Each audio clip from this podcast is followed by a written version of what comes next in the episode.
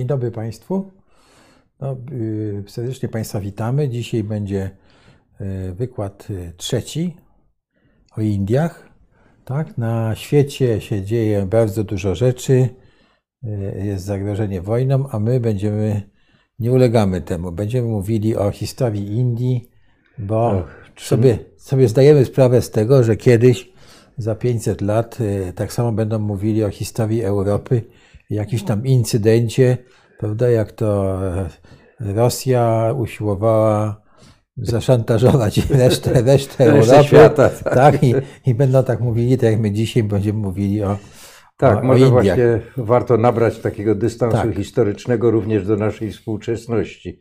Tak, tym że... niemniej e, w, w, piątek będzie Jerzy Marek Nowakowski, gdzie będziemy mówili o, o współczesności. O współczesności, tak, ale dzisiaj będziemy mówili o drugiej kolonizacji, czy drugim podboju Indii.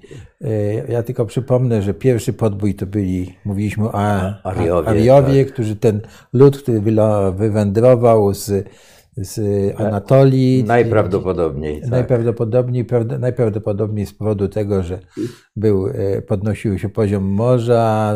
Prawdopodobnie, prawdopodobnie właśnie potop tak, tak, tak był tak, tym powodem. Tak, więc to była pierwsza. A potem był w okresie Indii taki okres do jak gdyby stabilizacji, stabilizacji tego systemu tak. nowego, który się urodził, który przynieśli ze sobą Ariowie wedyjscy, tak. ale Oczywiście on się na miejscu już, e, że tak powiem, przer, przerodził, no bo, mhm. bo, e, ci, którzy przybyli, to byli nomadzi. Pasterze. Ci nomadzi przerodzili się w, w osiadły, osiadły lud, rolników. rolników no część, i, to, I to spowodowało. Ale, ale, zastali też te wspaniałe miasta, o których mówiliśmy. E, znaczy, tak. czy zastali, czy, czy te miasta były, e, że tak powiem, żywe, tego do końca A, nie wiemy. wiemy tak. To znaczy, prawdopodobnie, przypuszcz, kiedyś przypuszczano, że e, to właśnie Ariowie zdobyli te mhm. terytoria, te tereny i to oni E, byli e, jakby powodem tego, że te, ta cywilizacja Mohenjo-Daro i Harappa ona, ona umarła. Jednak to... dzisiaj się od tego odchodzi. Raczej przypuszcza się, że E, była jakaś katastrofa, jakiś kataklizm, może trzęsienie ziemi, Rozumiem. zmiana biegórzek i te miasta, i, te miasta opustoszały, opustoszały albo, się wylu, to, albo się e, wyludniły. I jakby Ariowie nie tyle właśnie podbili, ile przybyli do kraju, Zastali. który był troszkę e, jakby być może zrujnowany właśnie. No, a, a i, dzisiaj... I, a dzisiaj będziemy mówili o tym już, no o coś nie tyle kolonizacji, że raczej najeździe, tak? I, I najazd, i kolonizacja. I kolonizacja to znaczy, tutaj mamy do, do czynienia... Ja oddaję panu profesorowi już głos, dobrze? Tak. A, a ja bardzo dziękuję, bo jak my rozmawiamy, to mi jest dużo łatwiej, bo nie widzę naszych słuchaczy, a to ja będę panem, pełnił rolę a, tych... a, a z panem e, prezesem mamy tutaj możliwość wymiany ewentualnie zdań i poglądów. Proszę państwa, e, Pokazujemy ten, na początek ten slajd tak, e. Widzicie Państwo e, na e, tej mapie, jak islam, że tak powiem, zaczął wkraczać na subkontynent indyjski. Oczywiście najpierw pierwszym ter terytorium, na którym, na którym to się działo, to były Indie zachodnie, północno-zachodnie, E, teren e, dzisiejszego Pendżabu, Gujaratu, Rajasthanu, e, do rzeczy Indusu, rzeki Indus, najogólniej rzecz ujmując. Oczywiście tereny również dzisiaj, gdzie znajduje się Afganistan, Pakistan, oczywiście także Baludżystan, część Pakistanu, Baludżystan. Proszę Państwa, to, o czym, co chciałbym podkreślić na wstępie, E, to jest e, jednak ta, e, ta magia subkontynentu Indii jako miejsca, które jest niezwykle przyjazne ludzkiemu osiedlaniu się ludzi. Myślę, że mm, tutaj zarówno Ariowie, którzy może pierwotnie, nie, na pewno wtedy, kiedy opuszczali Anatolię, to nie mogli wiedzieć, gdzie zakończy się ich wędrówka, ale e, znaleźli w dorzeczu e, najpierw Indusu, a potem Gangesu niezwykle przyjazne środowisko, Ja już o tym wspominałem, ale tu warto to ciągle przypominać, mianowicie środowisko, w którym można było dwa razy robić żniwa do roku. To jest, to jest coś szczególnego. Żyzne te doliny obu rzek i wobec tego to był niezwykle łakomy kąsek. Jeśli chodzi o e, czas e, przybycia na subkontynent muzułmanów, to jest mniej więcej XIII wiek do XVII wieku. To jest ten okres, kiedy e, Indie no, zostają skonfrontowane z, ze światem islamu początek drugiego tysiąclecia mniej więcej stał się dla Indii epoką głębokiej przemiany. E, właśnie wraz z przybyciem na subkontynent muzułmanów. I to nie jest tak, że to był wyłącznie podbój. E, e, muzułmanie nie mieli nic do zaofiarowania, tylko, tylko po prostu przybyli i, i jakby wypchnęli czy podporządkowali sobie mieszkańców którzy dotychczas e, byli, e, znaczy zaludniali te tereny. Tutaj może warto powiedzieć o tak, bo jest zastanawiające, że w źródłach hinduskich nie mamy, właściwie jest tylko jeden taki tekst z Kaszmiru, nazywa się Raja Tarangini, czyli rzeka królów, E, a właściwie rzeka falista. Tarangini to jest e, rzeka, która e, jest pokryta falami królów, gdzie są jakieś drobne wzmianki dotyczące właśnie przybycia muzułmanów, a tak to w ogóle jakby hinduska społeczność ignorowała ten, to, co się stało pierwotnie, także nie ma śladów wyraźnych w piśmiennictwie e, indyjskim, hinduskim, w tekstach sanskryckich, bo w tekstach sanskryckich zapisywano takie rzeczy, ale tam takich śladów nie ma. E, e, natomiast nie tylko sprawność na polu bitwy muzułmanów, którzy posługiwali się konnicą przede wszystkim, Hindusi no, jednym z powodów przegranej bitwy z Aleksandrem Macedońskim e, były między innymi słonie, na których e, polegano bardzo wyraźnie. Uważano, że to są najlepsze, najlepsze że tak powiem, najlepszy środek bojowy, prawda? Tymczasem niestety słonie, szczególnie poranione, E, panikują i wtedy e, wszystko jedno, czy to jest e, armia własna, czy to jest armia przeciwnika, stają się w gruncie rzeczy zagrożeniem nawet dla tych, którzy chcieli się przy pomocy ich bronić. Więc z jednej strony na polu bitwy to tu jakby Hindusi ustępowali, bo E, muzułmanie e, posługiwali się niezwykle umiejętnie kawalerią i to, e, i to było czymś wyjątkowym. Również zmienione formy rządzenia państwem stworzyły dla wielu grup społeczeństwa hinduskiego warunki sprzyjające rozwojowi przez otwarcie dla nich przede wszystkim aktywności całego świata muzułmańskiego to znaczy y, dla ich aktywności. Okazało, no, dzisiaj rozumiemy to znakomicie, chodzi o tak zwane rynki. E, e, ten, e, ten Anschluss muzułmański w Indiach, on z jednej strony oczywiście bardzo mocno upokorzył władców hinduskich, ale z drugiej strony jeśli chodzi o, o e, aspekt gospodarczy, to się chyba nie najgorzej przysłużył e, Indiom, ponieważ właśnie cały świat muzułmański e, został otwarty dla działalności, powiedziałbym, no dzisiaj byśmy powiedzieli ekonomiczno, wymiana handlowa i tam dalej. Niemniej element podboju takiego, takiej no, krucjaty krucjaty w cudzysłowie oczywiście, bo chodzi o muzułmanów, był niezwykle wyraźny. Jeden z właśnie przywódców muzułmańskich, Amir Khusru, którego Państwo widzicie tutaj na, na tym slajdzie, który już się urodził na terenie, na terenie Indii, na, właśnie w, w Patiali, w, w dzisiejszym Uttar Pradesh. Jemu zawdzięczamy taką sentencję, mianowicie Islam triumfuje, bałwochwalstwo jest pokonane. Gdyby prawo nie gwarantowało zastąpienia kary śmierci przez opłacanie podatku, nawet imię Hind zostałoby całkowicie i bez reszty wymazane.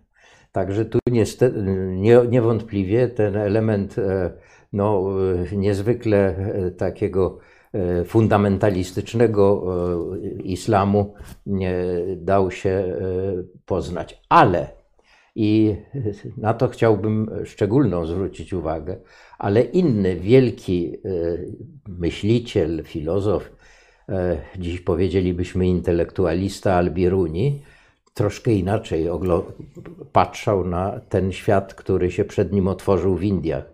I tu chciałbym przytoczyć cytat, który jest no, dowodem niezwykłej wprost otwartości i o olbrzymiej wiedzy, jeśli chodzi o, e, o te slajdy na razie nie, nie, nie są tutaj istotne dla tego, o czym chcemy rozmawiać.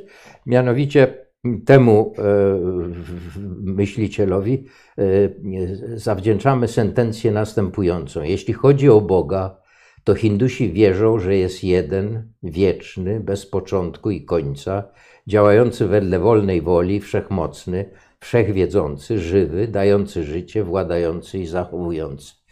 E, Albiruni potrafił spojrzeć dalej niż ludowa pobożność hinduska niż to, co można było zobaczyć w świątyniach. To, co e, powiedziałbym szeregowy wyznawca islamu uważał, że trzeba zniszczyć.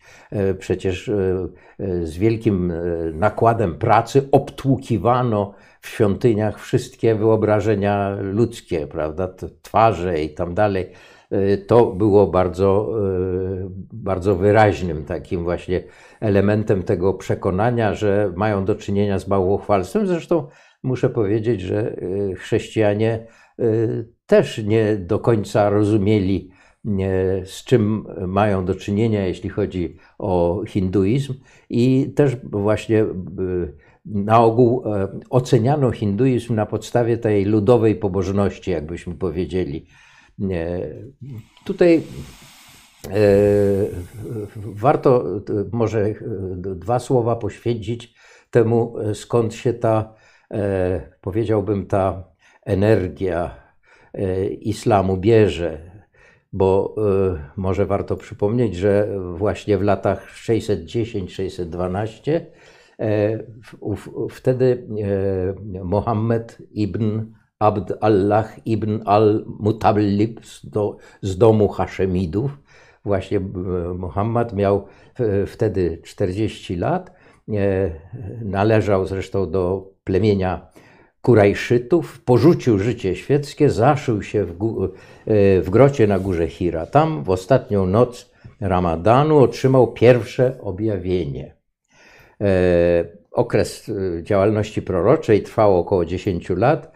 W wyniku tej działalności, i to jest bardzo ważne, w wyniku tej działalności skłócone plemiona arabskie, arabskich Beduinów zostały zjednoczone. E, na czym to, o, o co tu chodziło? Muhammed dostarczył Arabom niezwykłej wprost motywacji, która nie natychmiast i nie bez trudności, ale doprowadziła jednak do niebywałej ekspansji e, cywilizacji arabsko-islamskiej. I w ten sposób narodził się ten polityczny islam, jakbym to próbował określić. E, początkowo jego przesłanie było nawet kwestionowane na terenie Arabii Saudyjskiej, samej Mekce, która, która prawda, jest tym sanctum sanctorum e, dla e, muzułmanów.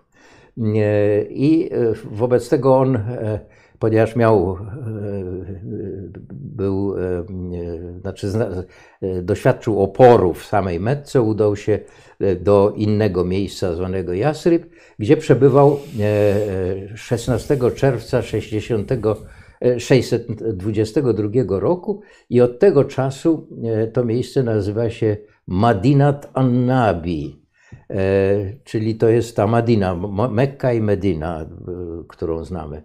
E, I od tej pory e, datuje się tak zwana era Hijry, czyli właśnie muzułmanie datują w ten sposób swój, swoją historię. No, po śmierci proroka, który oczywiście nie pozostawił następcy, miały miejsca wydarzenia, w wyniku których islam podzielił się na sunnitów i szyitów i to dzisiaj, e, do dzisiaj ta, ten podział trwa. E, jak wiadomo, Iran jest szyicki, e, Arabia Saudyjska sunnicka i tam no, napięcia bywają nawet może większe niż często między islamem i chrześcijaństwem czy, nie, czy hinduizmem właśnie. I, e, ale e, dla, dlatego warto pamiętać o, i o samym Mahomecie, i o, o tych wszystkich wydarzeniach, które towarzyszyły e, jemu, jego pojawieniu się, jego aktywności, bo to sprawiło, że E, narodził się e, niezwykle, e, niezwykle powiedziałbym, prężny ruch polityczny. Pierwszą taką dynastią, która, która rozpoczęła panowanie, to była dynastia Omajadów, dając początek kalifatowi Omajadów ze stolicą w Damaszku pod panowaniem e, tej dynastii Arabowie zdołali dokonać e, dalszych wielkich podbojów na wschodzie i na zachodzie. E, musimy pamiętać, że na zachodzie dotarli aż do Hiszpanii przecież. Al-Andalus to, było, to, było, to była Hiszpania Y, muzułmańska. Andaluzja dzisiejsza. Y, dokładnie. A na, na wschodzie, na południowym wschodzie dotarli aż do Indii i do granic Chin właściwie. No i w końcu też Indonezja została nawrócona na islam, więc prężność nie bywała zupełnie. I cóż tu więcej dodać można? Dla całej tej przestrzeni oficjalnym językiem stał się język arabski. To, co powiedziałem, sprawia, że łatwo zrozumieć, jak wielkie napięcia przybycie muzułmanów tworzyło na subkontynencie indyjskim. W rezultacie tej ekspansji muzułmańskiej w Dolinie Indusu to jest właśnie ten, ta, głównie ta, e, powiedzmy, tam, tam, gdzie te strzałki pokazują, to będzie ta Dolina Indusu. E, w drugiej połowie X wieku rozpoczyna panowanie dynastia Gaznawidów. Tam e, mają Państwo zaznaczone Gazni, tam to jest miejsce, od którego, od którego się ta dynastia mm, nabyła, że tak powiem, swój E, swoją nazwę, dynastia Gaznawidów. E, w 976 roku e, wstępuje na tron Sabuktigin i podporządkowuje sobie Peszawar. Peszawar to jest dzisiaj, to kiedyś się nazywało Purushapura, czyli miasto osoby. Sanskryckie, to jest sanskrycka nazwa. E, muzułmanie e, przerobili ją, że tak powiem, no, no tak przystosowali do, swojego, do swoich możliwości fonetycznych, nazwali Peszawar. E, on sobie ten cały region Peszawaru podporządkował. Najechał Pendżab, to znaczy to Pendżab, proszę, przypominam, że Pendżab oznacza pięciorzecze. Pańcza Ab. Mhm. Pańcza Ab to jest pięć e, wód, czy pięć, to też jest sanskryckie źródło słów. To, to jest Indus z, z całym dorzeczem. Mhm. Otóż ten władca zrobił, że tak powiem, pierwszy, pierwszy, pierwsza fala podboju jemu była, była jego dziełem, natomiast dopiero jak na, w tron wstąpił w 998 roku, wstąpił jego syn Mahmud z Gazny, który rządził stosunkowo dość długo, bo aż do 1030 roku, więc to, to było no, 32 lata mniej więcej, więc dosyć długo. I tutaj powiedzmy, to jest władca, który jest jakby z punktu widzenia Hindusów najbardziej negatywnie postrzegany, ponieważ on zorganizował, jak w historiografii indyjskiej się to zapisuje, 17 wypraw łupieszczych. Muzułmanie byli przekonani, że szczególnie świątynie hinduskie zawierają olbrzymie bogactwa, że jednym słowem Indie to jest kraina diamentami i złotem płynąca, jeśli wolno tak powiedzieć. I e, e, Muhammad z Gazny e, postanowił wzbogacić się właśnie organizując te wyprawy. No, może warto Państwu uzmysłowić, że to jednak nie były żarty. Mianowicie wynikiem jednej z nich było zdobycie 380 słoni, 53 tysięcy jeńców, których wzięto do niewoli i których, którzy oczywiście zostali, no znaczy nadano im taki e, status półniewolników, chyba że się nawrócili na islam. Wtedy mhm. ich, e, ich e, los mógł się odmienić. Gdzieś w połowie XI wieku następuje upadek tej dynastii E, I e, dalej mamy, mm, e, ta historia się ciągle, że tak powiem, koncentruje na tej północno-zachodniej, północno-zachodniej części Indii. Na tron w Ghazni wstępuje Hiyas ud-Din Muhammad. To są właśnie te, to są właśnie te jego monety. E, które, e, które on wybił. E, następnie jego rządy, następnie rządy tego, tego państwa Gazny sprawuje jego brat Muzziz ud-Din Muhammad Ghori aż do 1206 roku. E, I e, ten e, właśnie władca zasłynął niezwykłym wprost okrucieństwem. Mm, stoczył dwie zwycięskie bitwy. To jest taka, taki moment w historii Indii niezwykle zapamiętany. To są te tak zwane bitwy pod Tarainem, które które jakby zdecydowały, już przypieczętowały władztwo muzułmańskie w Indiach. E, tutaj e, odwołam się do znakomitego znawcy historii Indii, e, zresztą mojego kolegę, bardzo szanowanego historyka Jana Kieniewicza, który, któremu zawdzięczamy historię Indii. Polecam, kto z Państwa chciałby bliżej przyjrzeć się dziejom tego subkontynentu, tej cywilizacji, to polecam bardzo książkę e, profesora Jana Kieniewicza. E, otóż zdaniem Kieniewicza możemy mówić o państwie muzułmańskich, muzułmańskich w Indiach od roku 1000, 1206 właśnie. To, to już wtedy muzułmanie naprawdę zaczynają być władcami miejscowymi, lokalnymi.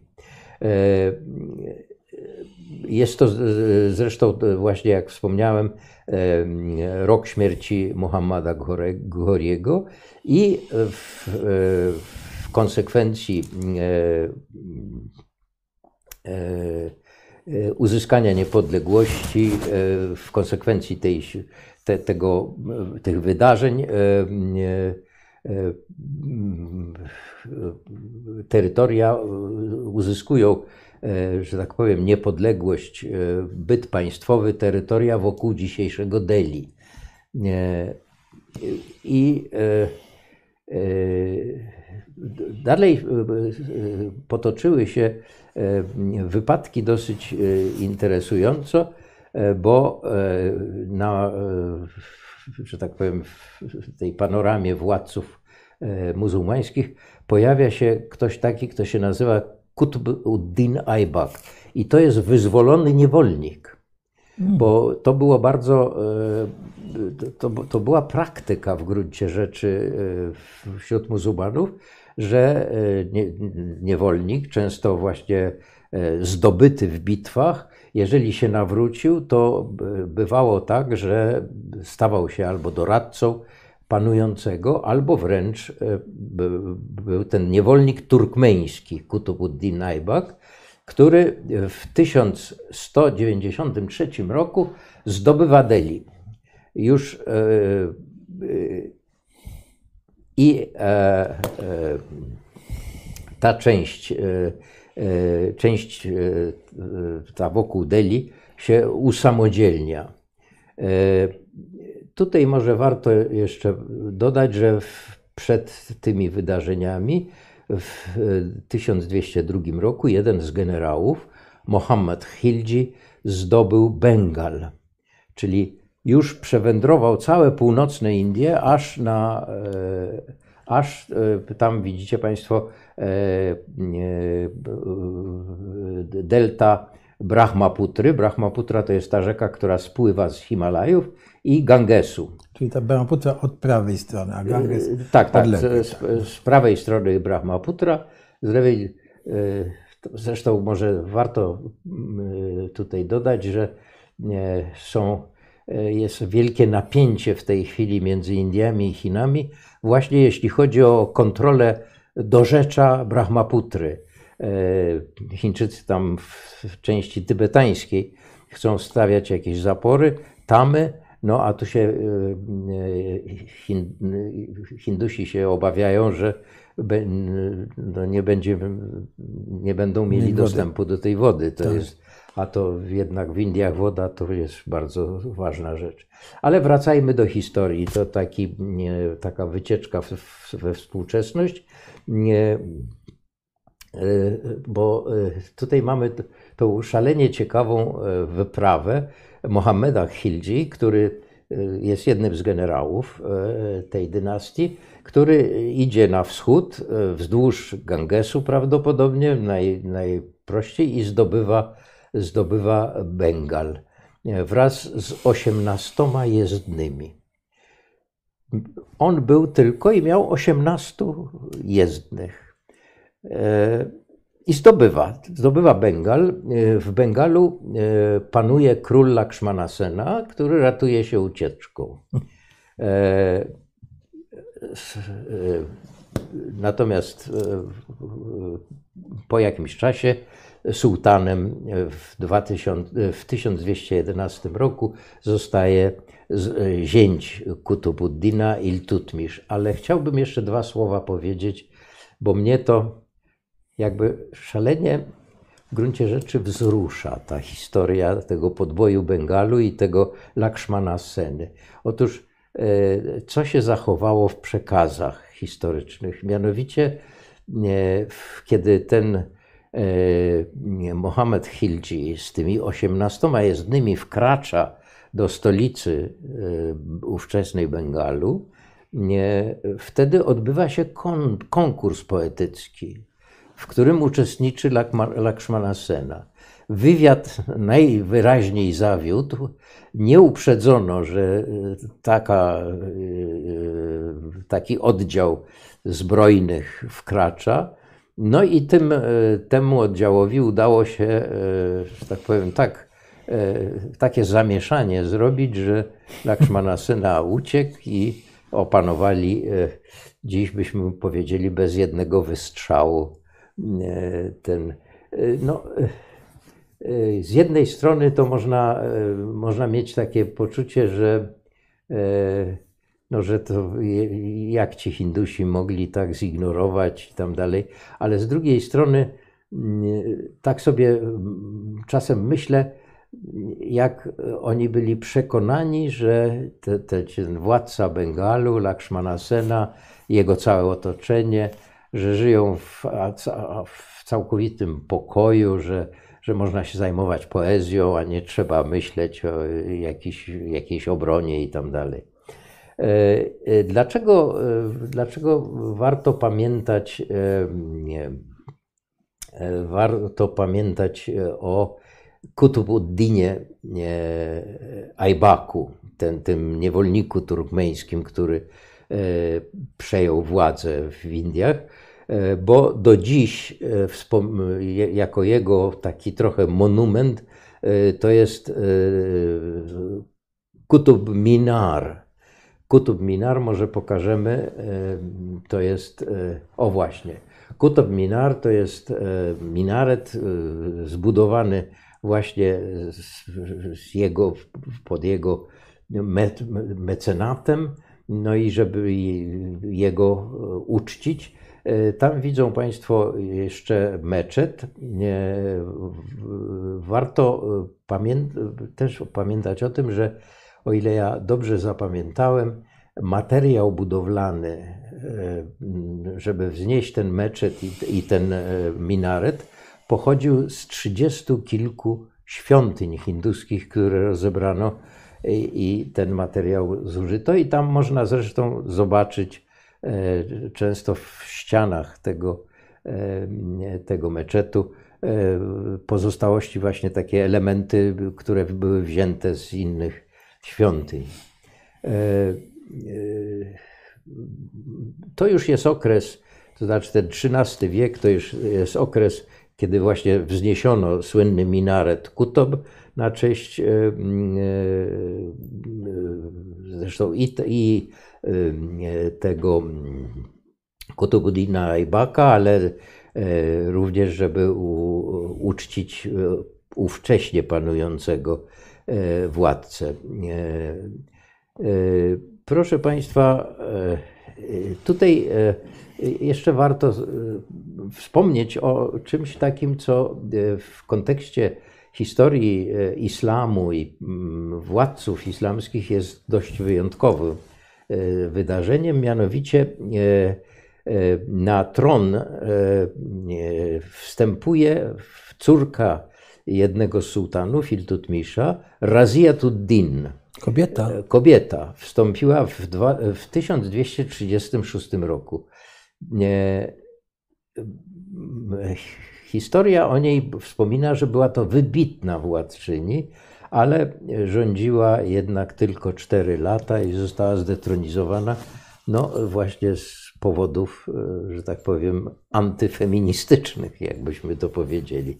Ale jest to, e, jest to taki, takie wydarzenie w historii e, islamu w Indiach, a może i islamu w ogóle, w historii panowania islamu, e, no, na który e, kobiety, e, które, muzułmanki, które jakby w tej chwili chcą zdobyć inne jakby do prawa kobiet i tam dalej, to jest, ona jest jakby patronką tych, tych... No, ale po niej to już rozumiem, była pani Butto chyba, prawda? Już jako muzułmanka. No, no, no właśnie, tak, właśnie, więc... Już w Pakistanie. Tak, tak, tak, tak. To pani Butto to, to no, jest właśnie tak, już współczesna, ale, ale e, oczywiście e, nigdy nie, nie udało mi się dotrzeć do jakichś materiałów takich, ale, nie, ale przypuszczam, że pani Butto musiała wiedzieć o, o tej Raziyat i, no, i prawdopodobnie jej,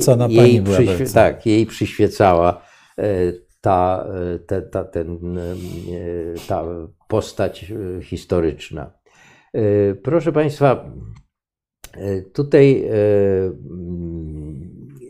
pojawia się w tym momencie pojawia się państwo, które określa się mianem sułtanatu delijskiego, w którym panuje dynastia Hildżich. To jest 1290-1320. Alauddin i Kutubuddin Mubarak. To są, to znaczy nie trzeba pamiętać tych wszystkich bardzo, bardzo egzotycznie brzmiących imion, ale chodzi o to, żeby mieć takie poczucie, że ta ciągłość panowania muzułmańskiego no, była niezwykle, powiedziałbym, decydująca o tym, jak, wyglądała, jak wyglądały Indie. Tutaj ten sułtanat delijski, jego okres jego funkcjonowania zakończył się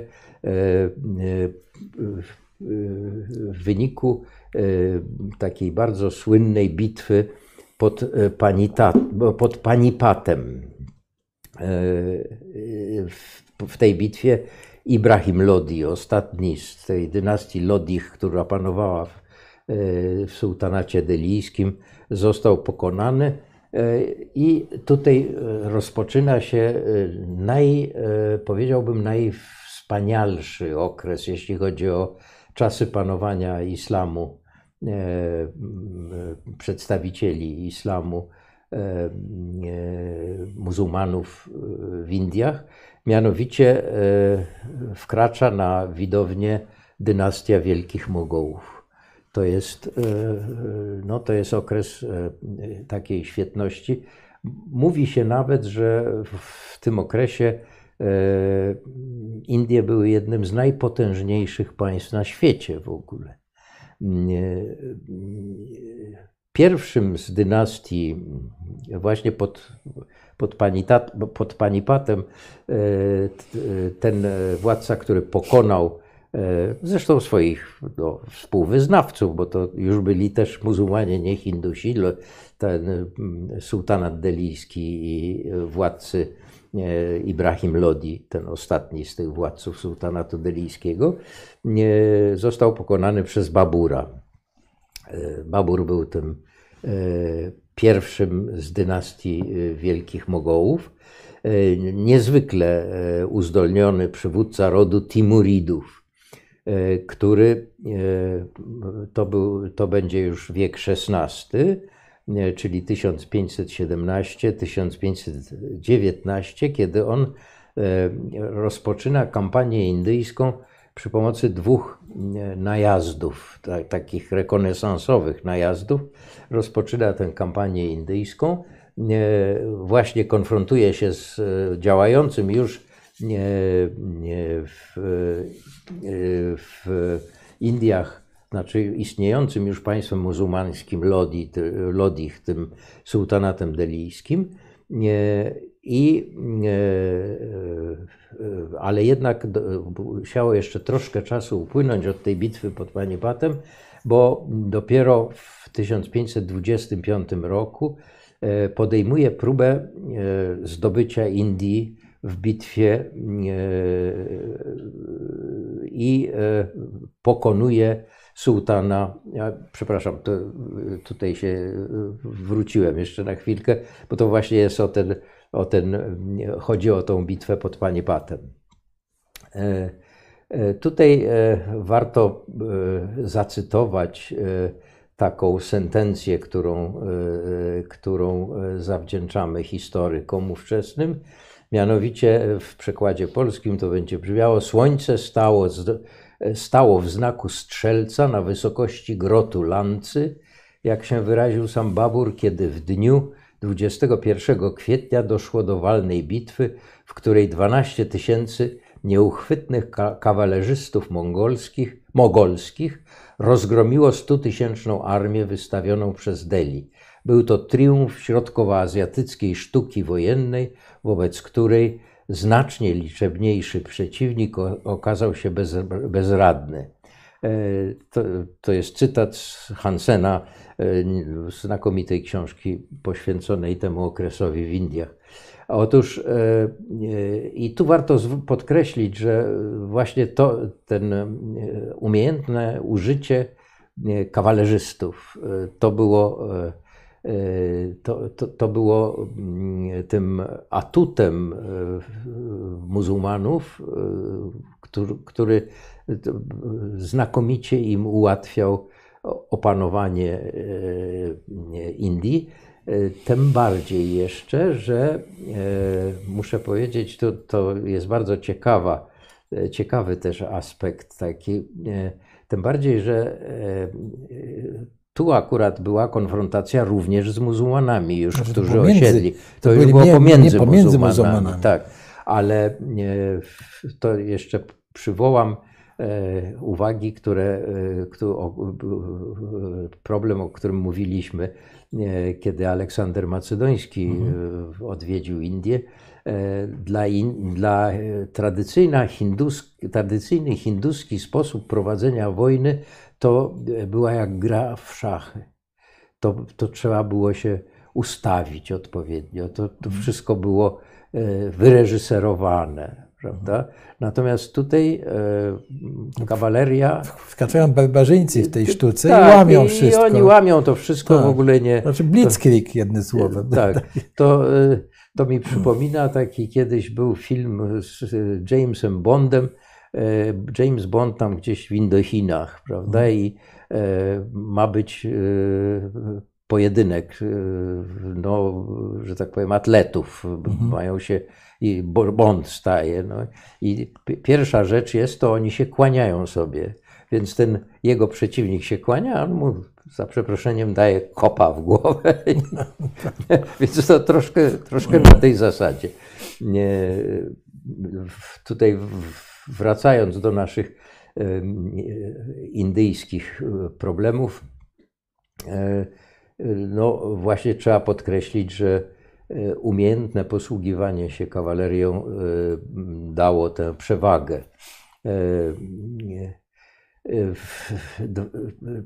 Pierwsza ta bitwa pod Panipatem, prawda? I dwa lata później znowu, znowu Babur zwycięża tym razem już do konfrontacji dochodzi z hinduskim władcą, mhm. Z ran, raną Sangrama, Sangrama Singhem. I rok potem jeszcze jednego władcę indyjskiego pokonał, mianowicie mm, niejakiego Medini Rao. Babur e, umarł w grudniu 1530 roku. E, pozostawił państwo dość słabo skonsolidowane. Nie było, nie, nie było to państwo bardzo, e, bardzo dobrze urządzone. Babur jako przywódca, to znowu cytat z wielkiego historyka angielskiego Vincenta Smitha, E, mianowicie e, Babur jako przywódca bandy cudzoziemskich awanturników mógł utrzymać tylko główne ośrodki wszędzie indziej, licząc na pasywność mas, mas hinduskich. I e, dlatego ten cytat przywołuję, bo chciałbym podkreślić tę pasywność, pasywność mas hinduskich. Otóż, proszę Państwa, to co jest tutaj bardzo istotne, to musimy pamiętać o e, e, systemie społecznym, który obowiązywał społeczeństwo hinduskie. System warnowo-kastowy. E, Bramini, kszatriowie, wajsiowie, siudrowie. Bramini to, Bramin to człowiek wiedzy. Kszatriya to człowiek władzy. Wajsia to człowiek pożytku, człowiek ekonomii, że tak powiem i e, siódra to człowiek służby. Otóż e, kwestią obrony mieli się zajmować wyłącznie kszatriowie, wyłącznie e, ludzie władzy.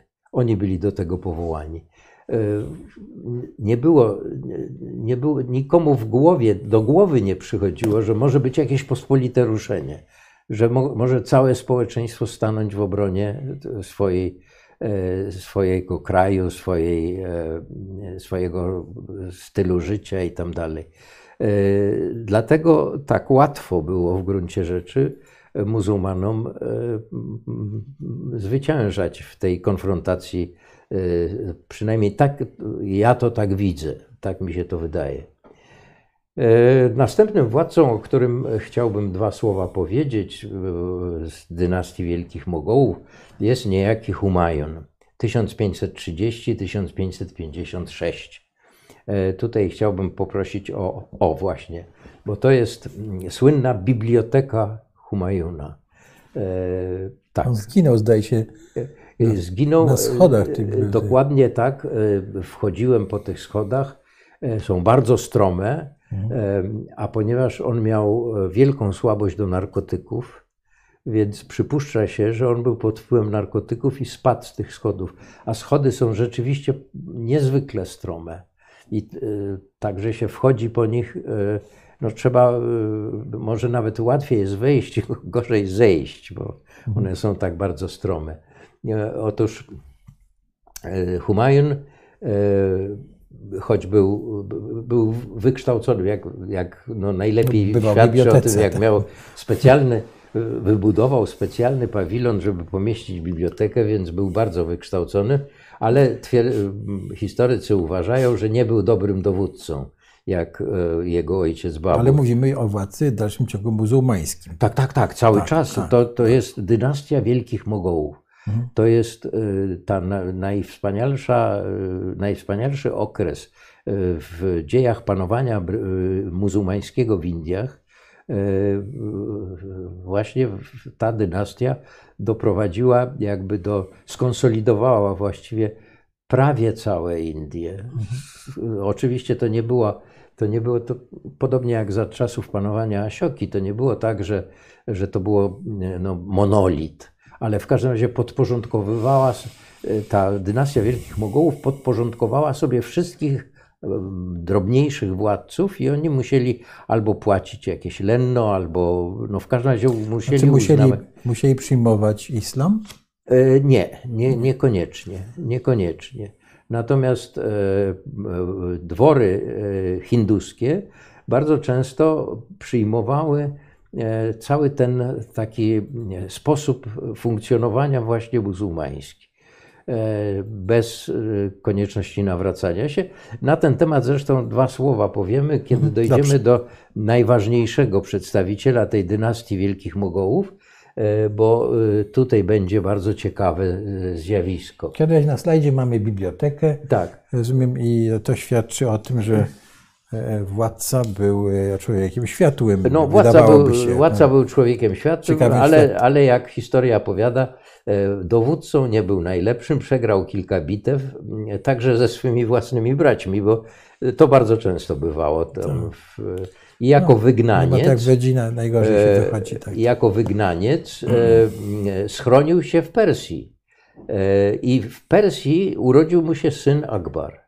Mhm. I ten syn Akbar, e, czyli to, to na uchodźstwie, prawda? To coś coś, to, coś nam tak, to przypomina, przypomina prawda? Tak, tak. My też mieliśmy tak, takie. No my, mieliśmy panią Sucin, która przecież właściwie całą młodość, mówiliśmy o Birmie tutaj a, no tak, ta, ale też. całą młodość spędziła przecież y, no też, tak, w Indiach. Ten, tak, ale, ale no. również nawiązuje do naszej historii, też, prawda? Też, też, mieliśmy przez pewien czas rząd na uchodźstwie, tak, prawda, tak, w, tak. w, Londynie. E, e, tam właśnie rodzi się, rodzi się e, Akbar, który będzie no, absolutnie największym władcą, którego najbardziej że tak powiem, wspomina się, kiedy mówimy o historii panowania muzułmańskiego w Indiach.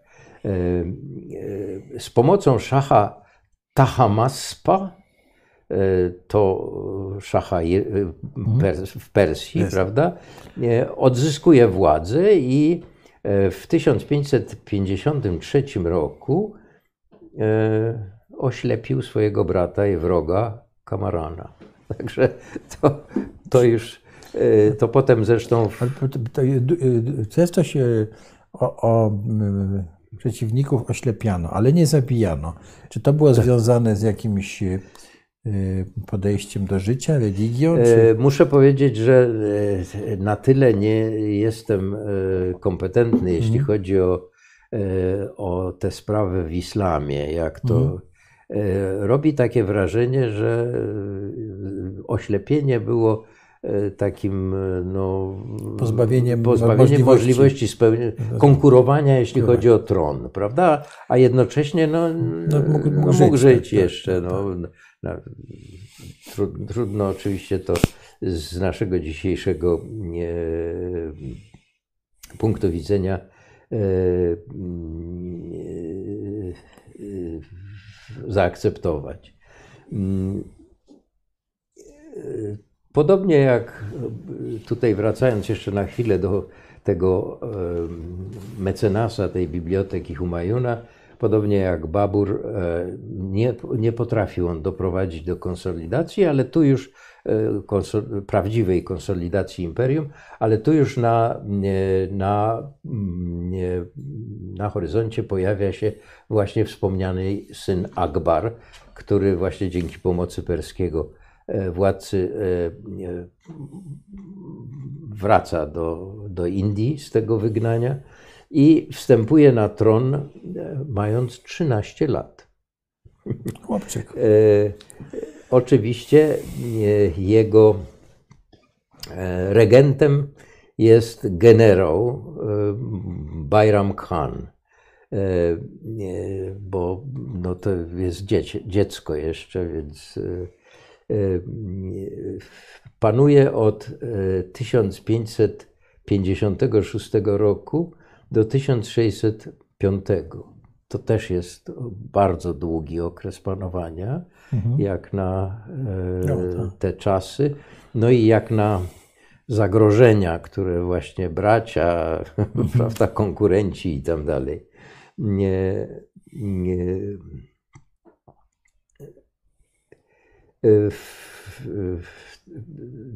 dochodzi do e, konfrontacji zbrojnej e, Oczywiście tutaj ten jego regent e, Bayram Khan jest głównodowodzącym. No i Akbar, ale w rezultacie to mija tam kilka lat i w 1560, czyli on już jako, jako 18-letni, 17-letni chłopiec Akbar przejmuje władzę z rąk tego swojego regenta e, i dwa lata później ostatecznie się usamodzielnia, czyli jako, jako 20-letni e, człowiek niespełna, e, on przejmuje pełną władzę. To musiał być niezwykle utalentowany człowiek o niezwykle, o niezwykłym temperamencie. I co się dzieje E, co pozostawia trwały ślad, e, taki, który turyści właśnie bardzo chętnie oglądają. Mianowicie w latach 1571-1600, to jest e, zresztą Humayun, to jest o, może powinniśmy byli to pokazać, bo to jest jedna z najwspanialszych architektonicznie budowli w Delhi, grobowiec Humayuna no właśnie grobowiec tego, e, tego e, twórcy biblioteki mhm. i tego władcy, który nie bardzo potrafił sobie poradzić z konsolidacją państwa, ale uczczono go e, niezwykle pięknym grobowcem. Bardzo polecam wszystkim, którzy odwiedzą Delhi, żeby nie wyjechać z Delhi, nie, nie obejrzawszy tego wspaniałego, wspaniałego zabytku co między innymi, bo różne takie e, e, inicjatywy Akbar podejmuje, ale jedna z jego inicjatyw to przeniesienie stolicy. Mianowicie on wznosi no, nową stolicę, to jest Fatehpur Sikri,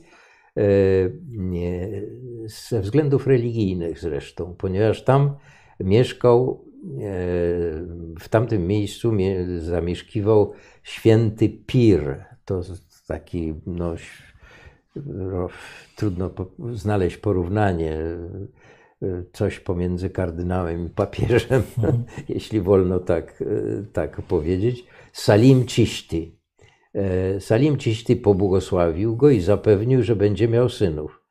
Prowadził i no to proszę sobie wyobrazić, że dla e, młodego władcy, który mm, no, chce przekazać e, swoim potomkom zapewnienie, że, że będzie miał synów, bo nie zawsze się to zdarzało, e, no to była taka, takie wydarzenie, szczególnie to zapewnienie pochodzące od tak czczonego człowieka, w gruncie rzeczy świętego, jak ten Salim Ciszti, no, było czymś niezwykle, niezwykle dla niego ważnym i on tam przenosi, e, przenosi e, e, stolicę do Fatehpur Sikri. Dzisiaj można też podziwiać te, te miejsca.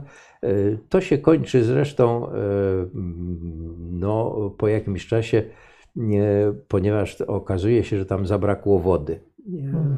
I ten, e, to miejsce musiało być w, w gruncie rzeczy opuszczone. E, potem to była Agra i, i, i Delhi. E, to, co chciałbym, żebyśmy zapamiętali o Akbarze, bo to bardzo ciekawa, ciekawy aspekt. Mianowicie w nowej stolicy, tej właśnie w Satechpur Sikri, budując pałac, E, wzniósł salę debat. E, ta sala debat nazywała się Ibadat Khana, e, bo Akbar chciał zaproponować taką religię, boską religię.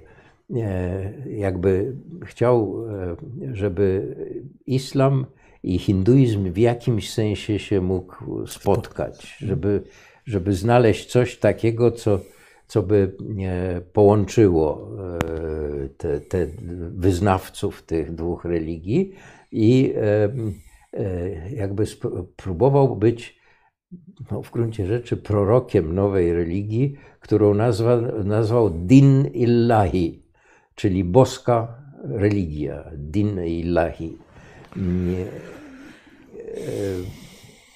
Dworski poeta, e, ulubiony poeta Akbara, Abul Fazl, autor e, takiego panegiryku poświęconego e, Akbarowi, Ain i Akbari, w imieniu swego władcy złożył w świątyni hinduskiej następującą deklarację. To bardzo istotne. O Boże, w każdej świątyni widzę ludzi, którzy Cię szukają i w każdym języku, jaki słyszałem, ludzie Cię wychwalają. Poszukują Cię politeiści i muzułmanie. Każda religia mówi, Ty jesteś jeden, nie ma równego Tobie. W meczecie ludzie szepczą święte modlitwy. W kościele chrześcijańskim ludzie uderzają w dzwony z miłości do Ciebie. Czasem odwiedzam chrześcijański klasztor, a czasem meczet, ale w każdej świątyni szukam tylko Ciebie. Twoi wybrani nie mają nic wspólnego ani z herezją, ani z ortodoksją, bo żaden z nich nie znajduje się poza zasłoną Twojej prawdy. E, ten cytat e, pochodzi z książeczki e, autorstwa Chetty Matama, wydanej w 974 roku. I świadczy o bardzo takiej, powiedziałbym, współczesnym podejściu Akbara. Jak to słucham, to mi się widzę tego Jana Pawła II, prawda, w, no, w, w meczecie. W... Dokładnie. tak. Mało tego, Jan Paweł właśnie e, też trochę podobne słowa tak. Usłyszeliśmy, jak odwiedził Indię i składał e, kwiaty na e, miejscu e, kremacji Gandiego. Mhm. Wygłosił wtedy Jan Paweł II przemówienie, trochę właśnie w tym duchu, takim, takim żeby dla, dla wszystkich wyznawców wszystkich religii, jakby jest jakiś wspólny punkt odniesienia. Mhm. Tutaj warto zresztą też podkreślić, że w czasie panowania Akbara na jego dworze, zdaje się, on sam miał w haremie hinduskie księżniczki.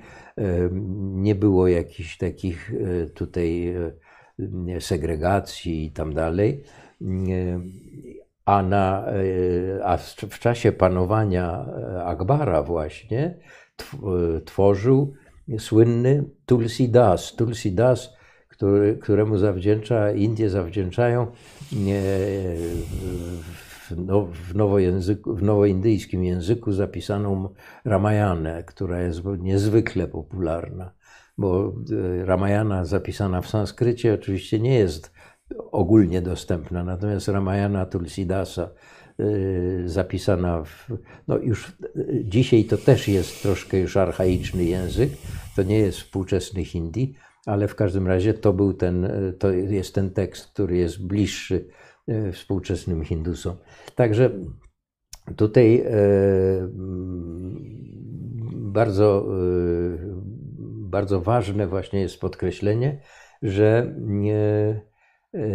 za czasów panowania Akbara jakby próbowano, próbowano pogodzić zarówno muzułmanów i hindusów, tak żeby tutaj nie było jakichś napięć. To niestety e, nie było trwałą, e, trwałą, e, trwałym zjawiskiem.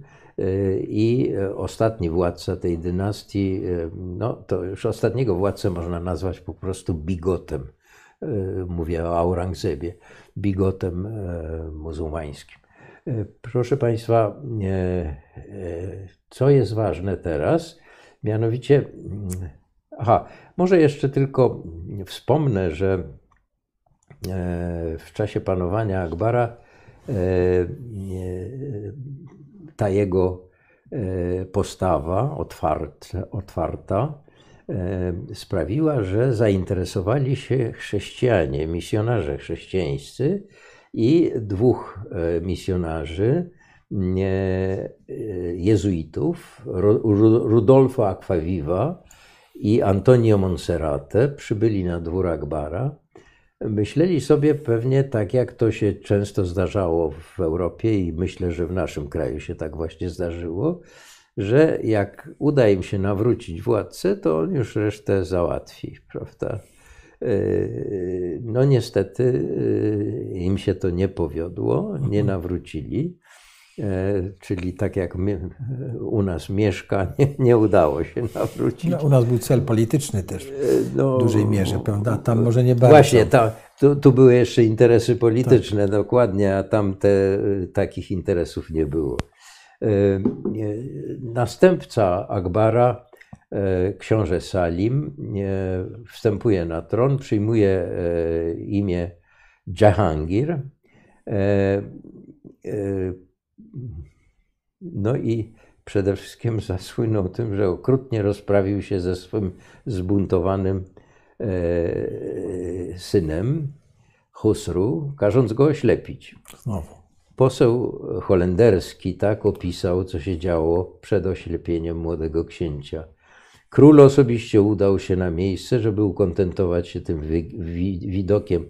Chodzi tutaj o zwolennicy tego młodego księcia zostali wbici na pal.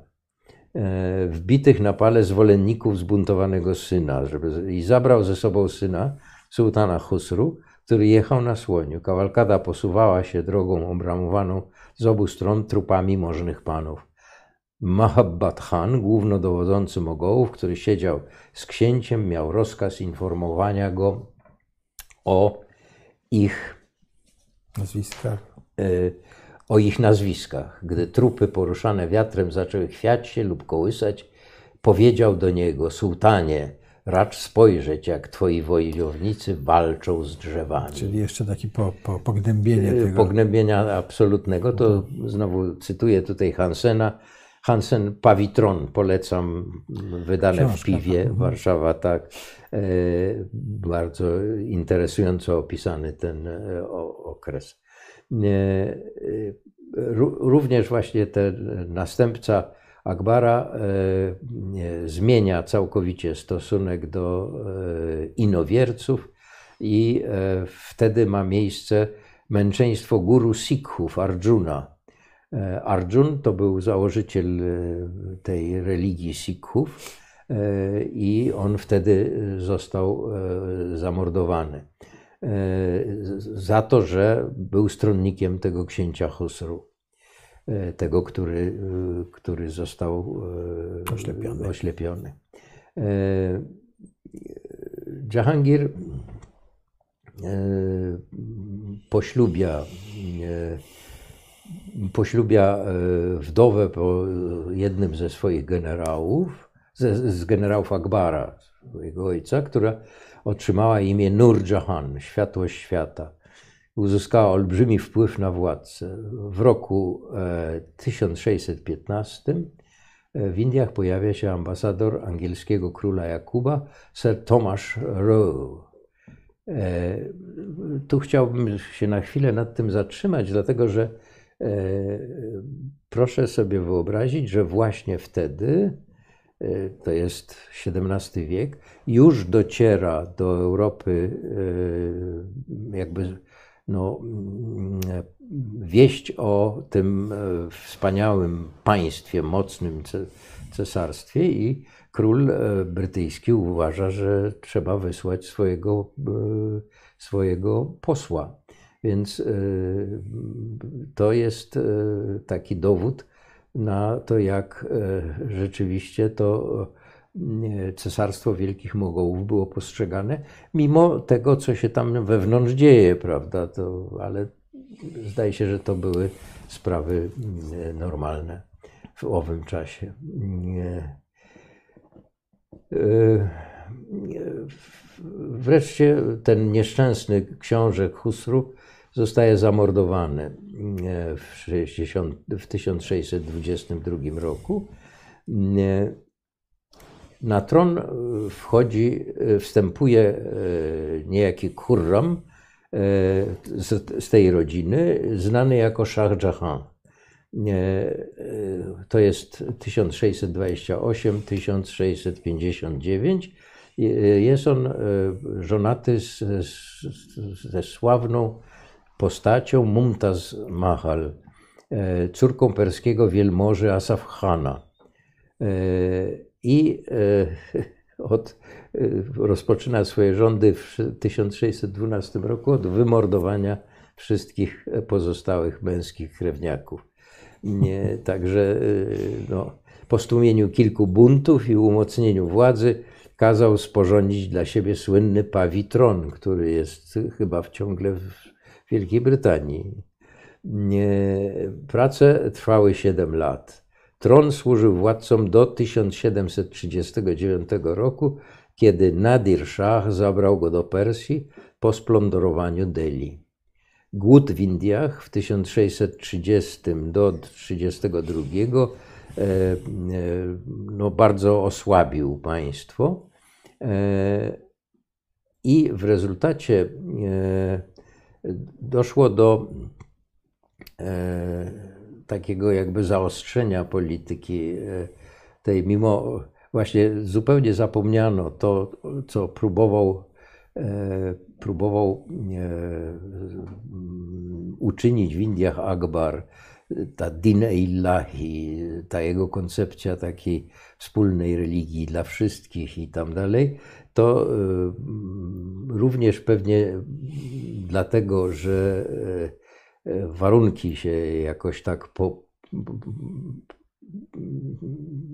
do, do tego doprowadziły, szczególnie właśnie najazd na Dirszacha i splądrowanie Delhi. To sprawiło, że to władztwo muzułmańskie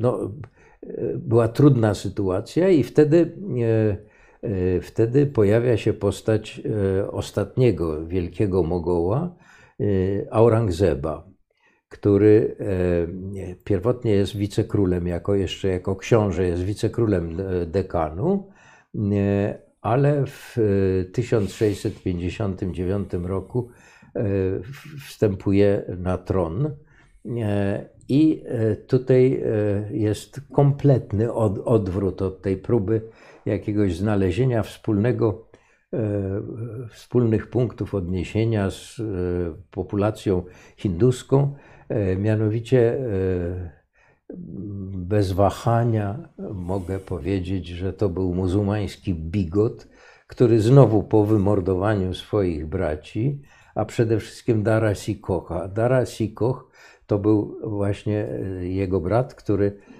jakby chciał e, swojego tego przodka Akbara drogą pójść. Był bardzo zainteresowany piśmiennictwem sanskryckim na jego polecenie przełożono na perski e, Upanishadę. W tej chwili nie pamiętam, którą Upanishadę, ale przełożono. Zresztą potem ta e, z perskiego została przełożona na łacinę mhm. i w, ta, w, ten sposób dotarła do, do pierwszy, Europy. Do Europy tak. tak. Upa, Aupanekhat to się nazywało. Tak. E, także ten Darasikok niezwykle taka no, można powiedzieć, szlachetna postać. E, on został e, zamordowany e, przez Akbara. Jeszcze można dodać, że właśnie Darasikok miał takie skłonności mistyczne. Tymczasem skupiliśmy się wyłącznie na losach panowania muzułmańskiego w Indiach, ale to nie, jakby, nie było tak, że muzułmanie bezwzględnie kontrolowali całą przestrzeń Indii. Wtedy powoli, ale zaczyna okrzepnąć państwo Marathów. E, największym wyzwaniem właśnie dla rządów Aurangzeba to e, było e, państwo Marathów, które pod wodzą Siwadziego, który dzisiaj jest czczony przez E, przez nacjonalistów hinduskich jako był, jeden z najważniejszych. Rozumiem, to nie był już muzułmanin. To już nie, nie. Tak. To Marathowie to byli Hindusi, Hindusi e, i im się udało, że tak powiem, zachować odrębność polityczną również. Byli przez jakiś czas kontrolowani e, przez władzów muzułmańskich, ale to nie było tak, że, że absolutnie e, no, przemocą nawracano na islam wszystkich i nie, nie, e, to nie było tak. E, to nie było wykonalne w Indiach w ogóle, więc oczywiście władcy hinduscy musieli uznać zwierzchnictwo władców muzułmańskich, zwierzchnictwo dynastii Wielkich Mogołów, ale y, lokalnie mieli jakby bardzo dużo swobodę. Otóż e, e, to zagrożenie e, pojawia się właśnie w Maharasztrze, to jest to są Indie Zachodnie, mniej więcej poniżej, troszkę poniżej Bombaju, prawda? Mhm. Tak to na mapie wygląda.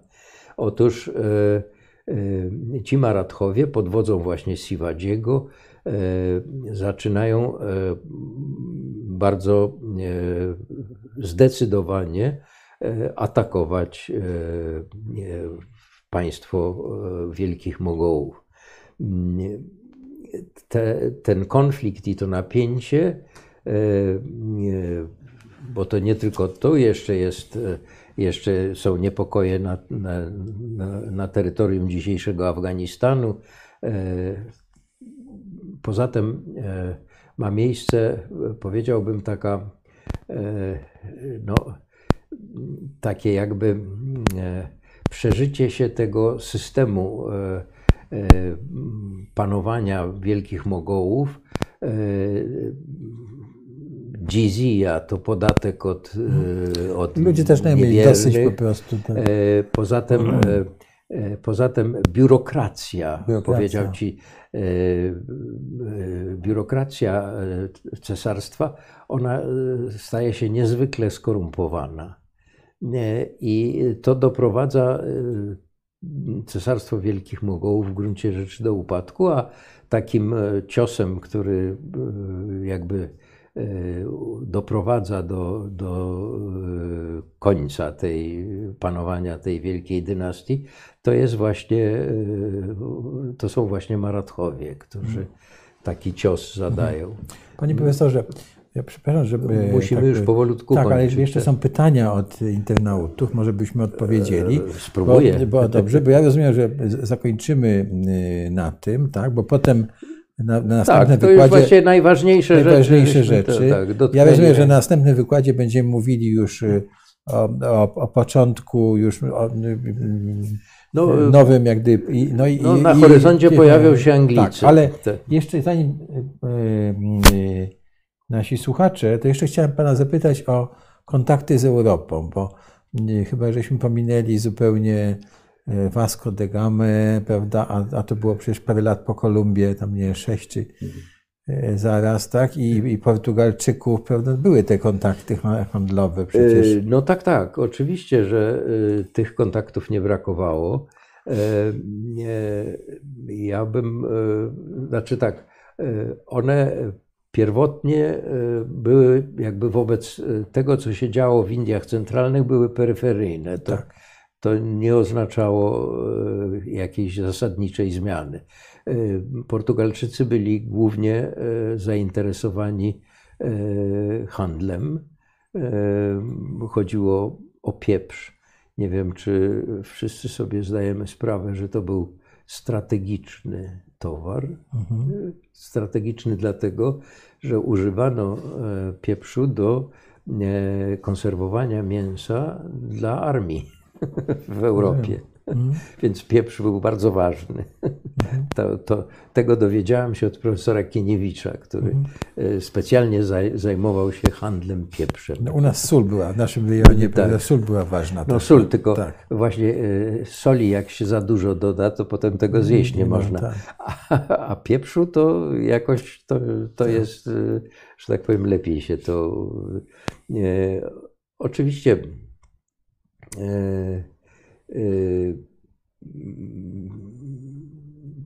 tutaj, e, znaczy, e, obecność e, Europejczyków w Indiach w tym okresie nie jest czymś, co by jakoś wpływało wyraźnie mhm. na to dopiero, dopiero no, ale właśnie... to z punktu widzenia Europy to są odkrycie nowych dróg morskich, prawda, y, dokładnie, nowe szlaki handlowe, do... że to jest y, ważne dokładnie, dla nas. Tak? Dokładnie. No, bardzo ciekawym rozdziałem jest opanowanie tego, tej krainy, która się nazywa Goa, prawda? Mhm. Która to była, to było w, w gruncie rzeczy do nie pamiętam dokładnie do którego roku, ale prowincja Portugalii. Dopiero, hmm. dopiero ne, to jeszcze Neru postanowił. W 40 to, do 30 chyba 7, że Jakoś takiego, tak, tak, tak. Mhm. To było dosyć długo. Znaczy dopiero po uzyskaniu przez Indię niepodległości, hmm. już niepodległe Indie, chyba jeszcze za panowania jako premiera hmm. Jawaharlala Nehru, doprowadzono do e, przejęcia Goa e, hmm. przez e, nawet zarzucano, że to taki było trochę militarne, ale tam nie było oporu. To nie, nie odbyło się w jakimś krwawym, hmm. krwawy sposób to przejęcie, ale tośmy przeskoczyli tak, bardzo, tak, bardzo daleko. Ale bardzo daleko. w każdym razie, żebyśmy chodzi o to, żeby też nie, jak będą sobie nasi słuchacze po, pogłębiać wiedzę, żeby E, sięgnęli właśnie do tych, no tak, tak. mieli świadomość no, tych związków handlowych. E, te, tak. te wyprawy handlowe e, na no właśnie Vasco da Gama, prawda, te wyprawy handlowe do Indii, po te różne mhm. przyprawy Kolum, i tak Kolum chyba też płynął Ko, do Indii. No, Kolum się pomylił. tak. znaczy on, on, się o tyle nie, nie pomylił, bo on, ponieważ uważał, że Ziemia jest okrągła, to że on dopłynie do Indii, płynąc tak. na zachód. Tak. Nie opływając Afrykę, tylko płynąc tak. na zachód. Tak. No i odkrył Indię, ale Indię, inne troszkę. Tak. Tak. Indian. Dobrze, to, to y, wróćmy w takim razie do naszych pytań. Panie Krzysztofie, czy możemy. Czy mamy jakiś. To jest początek, bo tam mieliśmy pytanie. A tu mamy pytanie. Dzień dobry, dzień dobry, dzień dobry Państwu. Bardzo dziękuję za komentarze. I tutaj mamy, pan Kuba pyta, a co z chrześcijaństwem? Tak? A są, a są podania oraz apokryf, że apostołowie, a nawet sam Jezus bywali w Indiach. Czy pan się kiedyś, no, pan się kiedyś z tym spotkał? Ja się bardzo pas, pasjonuję. W Wiem o tym, to, mam to... cały numer tak, więzi ostatnio. Tak. Właśnie. Tak. E, napisałem zresztą książkę pod tytułem Spotkanie z hinduizmem, tak. gdzie troszkę na ten temat e, jest. E, no, ja, powiem, ja powiem tak, że nie, nie ma właściwie już dzisiaj nie ma wątpliwości, że święty Tomasz Didymus, tak, tak. zwany, tu jest nawet taki, e, przepraszam, dotarł do e, Indii. Tak. I jest tradycja, to nawet właśnie profesor Kieniewicz, z nim rozmawiałem e, na ten temat, też potwierdził, że jednak większość źródeł jakby bardzo uprawomocnia ten, to przekonanie, czyli obecność chrześcijan w Indiach jest dużo starsza niż u nas. To znaczy, to byłby, byłyby lata 40. Prawda? naszej ery, czy, mm. czy 60., no tak, prawda? No, coś no tak. takiego. 966. Tomasz zresztą tak. w tych apokryficznych y, Ewangelii świętego Tomasza e, jest tam, że on nie bardzo miał ochotę tam e, się udać, no, ale mhm. jakoś go tam widocznie przekonano. E, ale on się udał w gruncie rzeczy nie do Hindusów. Mhm. Tam były kolonie kupców żydowskich mhm. od bardzo dawna. Prawdopodobnie jeszcze przed naszą erą. Handel był rozwinięty i, i on chyba raczej się tam udawał do tej społeczności żydowskiej, żydowskiej mhm. która no jeszcze do nas teraz, teraz jakby tam troszkę osłabła ta, ta wspólnota żydowska, bo wielu tych Żydów e, po utworzeniu państwa Izrael przeniosło się do Izraela. E, ale oni tam byli bardzo dawno. Ja pamiętam, e, jak byłem w Indiach, odwiedziłem synagogę tak. w Kocinie mhm. i założyłem czapkę, jak wchodziliśmy. I ten e, oprowadzający mnie, nie wiem czy to był, e, czy to był e, ktoś, kto zarządzał tą świątynią, ale powiedział, zdziwił się, że ja wiem, że trzeba trzeba się, trzeba głowę przykryć. No ale to każdy, kto się zetknął z judaizmem, to, to wie, tak. to wie do, dokładnie, że, że tak trzeba się zachować tak. w synagodze. No. Tak jak w kościele trzeba zdjąć szapkę, to, tam to trzeba w synagodze tak. trzeba nałożyć. Tak samo na cmentarzu. Tak. E, nie, ale wracając do, skoro pojawiło się to pytanie, muszę powiedzieć, że może ty, tylko tak króciutko powiem, że to chrześcijaństwo w Indiach, ono się otorbiło. To znaczy ono weszło w ten system kastowy, to się stała, ta grupa chrześcijan stała się taką kastą. kastą. I proszę bardzo, żyjcie sobie w porządku, ale e, jakiegoś prozelityzmu, jakiegoś nawracania e, nie było. No tak, bo pewnie w tym społeczeństwie e, kast, nazwijmy to kastowym, czyli tak, tak urządzonym, bo może ten po prostu to nie działało, po prostu nie... Nie, bo ja powiem coś, co, co troszkę pewnie zaskoczy naszych słuchaczy. Mianowicie e, społeczeństwo e, to kastowo, warnowo-kastowe jest otwarte, ale jest otwarte, proszę bardzo, przyjedź ze swoimi, mhm. będziesz do, kolejną kastą, a jeżeli masz do zaofiarowania coś, co będzie nam potrzebne, to proszę bardzo, to my będziemy z tego korzystać, a ty sobie będziesz żył jako mhm. kolejna kasta. Przecież w ten sposób w Indiach znaleźli przytulisko Parsowie.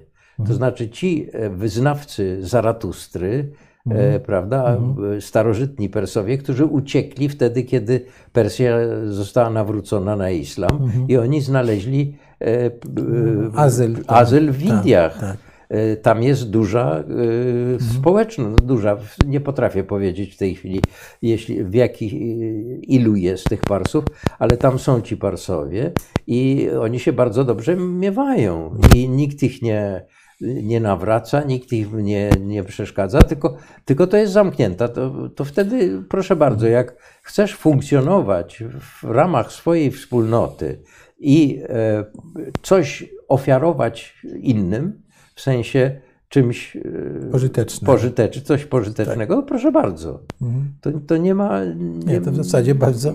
Tak. Bardzo... Także pod tym względem to jest otwarte. Natomiast e, bardzo źle reagują Hindusi na e, próbę nawracania.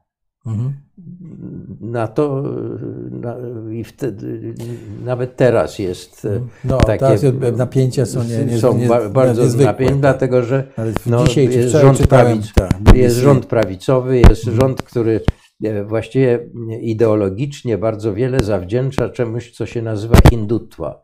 Hindutwa to jest taka e, koncepcja właściwie polityczna, no, e, Indie dla Hindusów.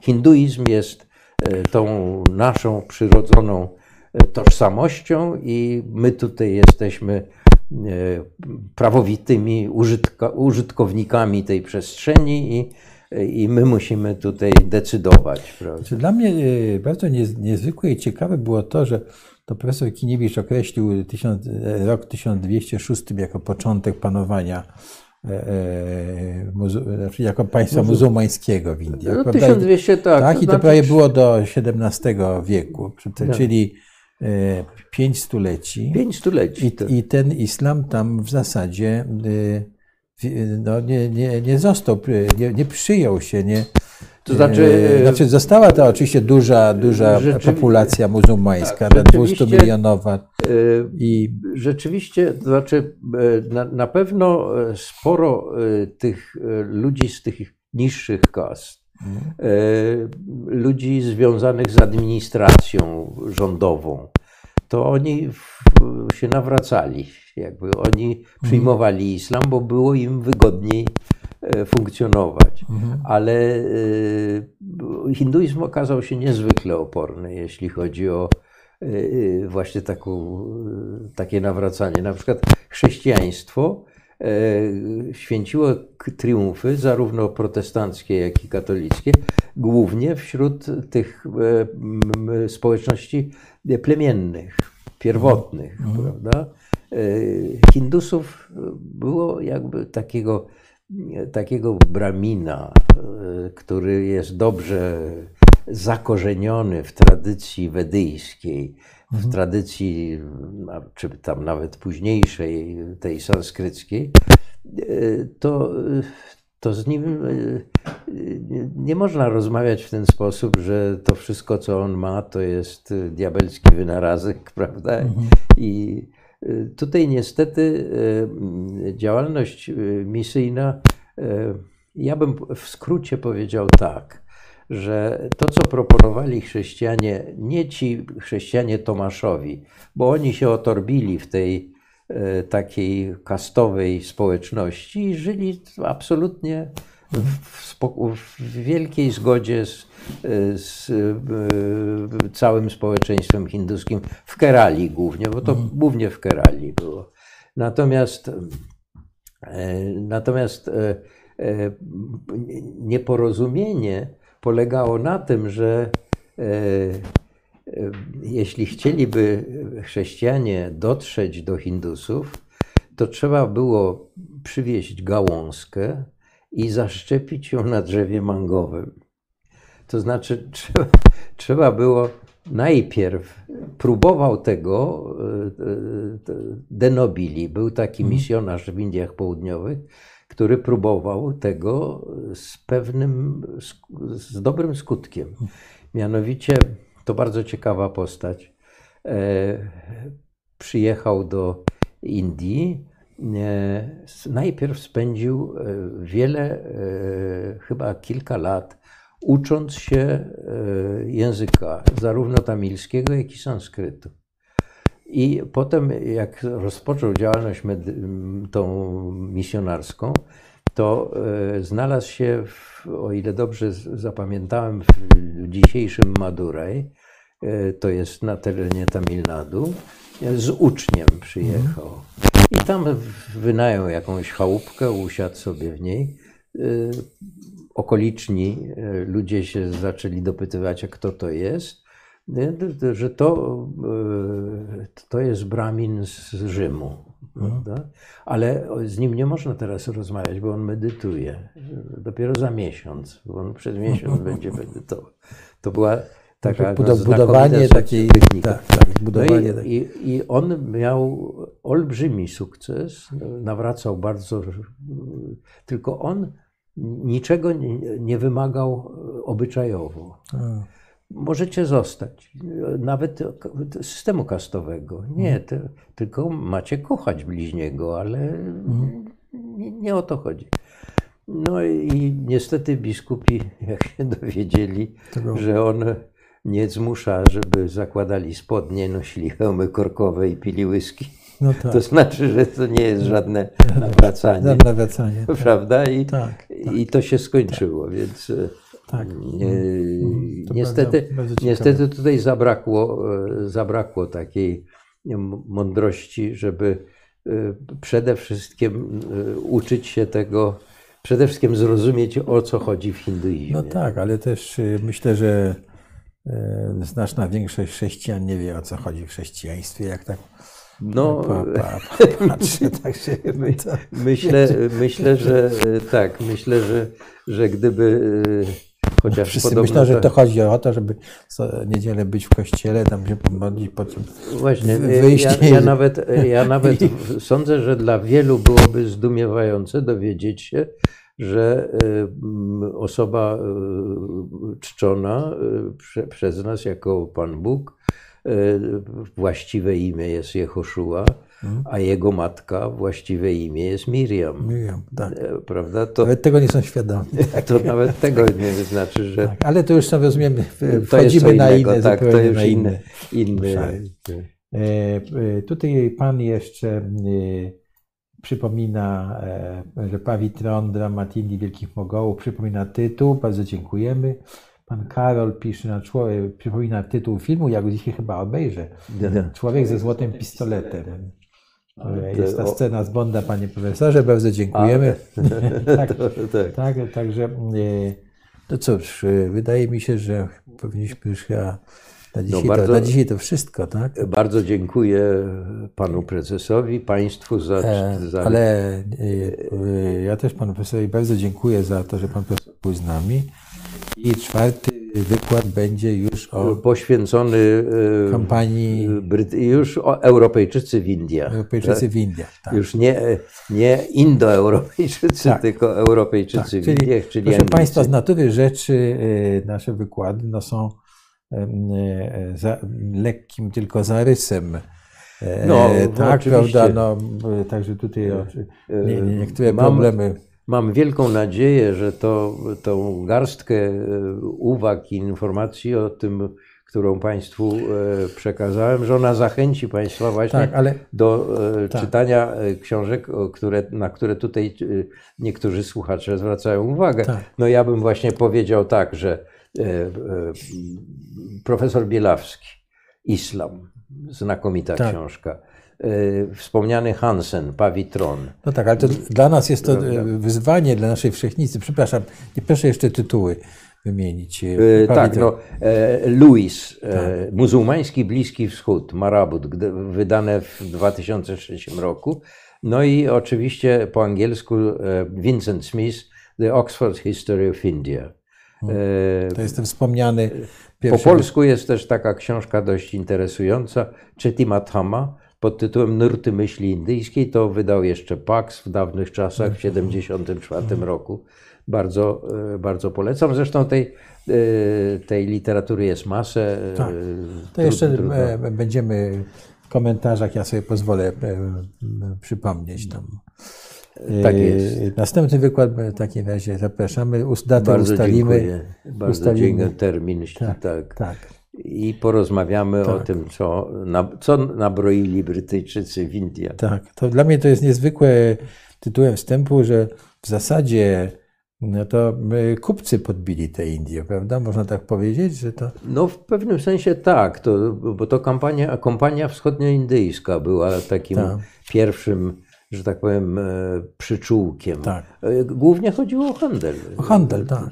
Zresztą Portugalczykom też o handel. Tak, ale w ogóle jak spojrzymy tak. na te kompa, kompa, handlowe kompanie, tak. to się nagle okazuje, że my, nasza Rzeczpospolita bardzo odstawała od tego całego świata, bo te, te swoje kampanie mieli i Szwedzi, i Duńczycy, i no oczywiście Portugalczycy, Hiszpanie, no to no tak, podbijali no, świat, Anglicy, wszyscy Francuzi. Ci, byli bardziej, czyli wszystkie tak powiem, potęgi morskie. No właśnie, morskie. Tak, no, tak, to, to oni to jest... byli bardziej nakierowani na to, ta ciekawość, co jest za wielką wodą, prawda? No tak. No a tak, myśmy ale, tutaj za ale tą wielką jak wodą tutaj nie... żeśmy mówili o tym, tak, u nas po co Polakowi morze, jak mądrze orze. Tak?